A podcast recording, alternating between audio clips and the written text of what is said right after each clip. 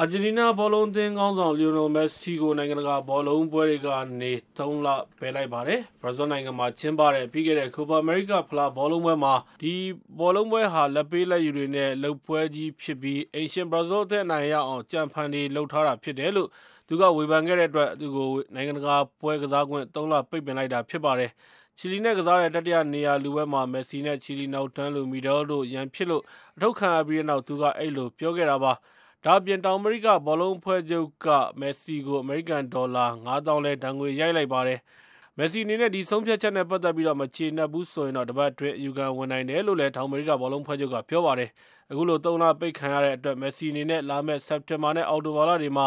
ချီလီ၊မက္ကဆီကို နဲ့ ဂျာမနီတို့နဲ့ ကစားမယ့် ခြေစမ်းပွဲတွေမှာ ပါဝင်ခွင့်ရမှာ မဟုတ်ပါဘူး။ပြီးခဲ့တဲ့ Copa America ဖလား ဘောလုံးပွဲမှာတော့ ဘရာဇီးအသင်းက ဗိုလ်စွဲခဲ့ပြီး အာဂျင်တီးနားအသင်းက တတိယ ရခဲ့တာဖြစ်ပါတယ်ခင်ဗျာ။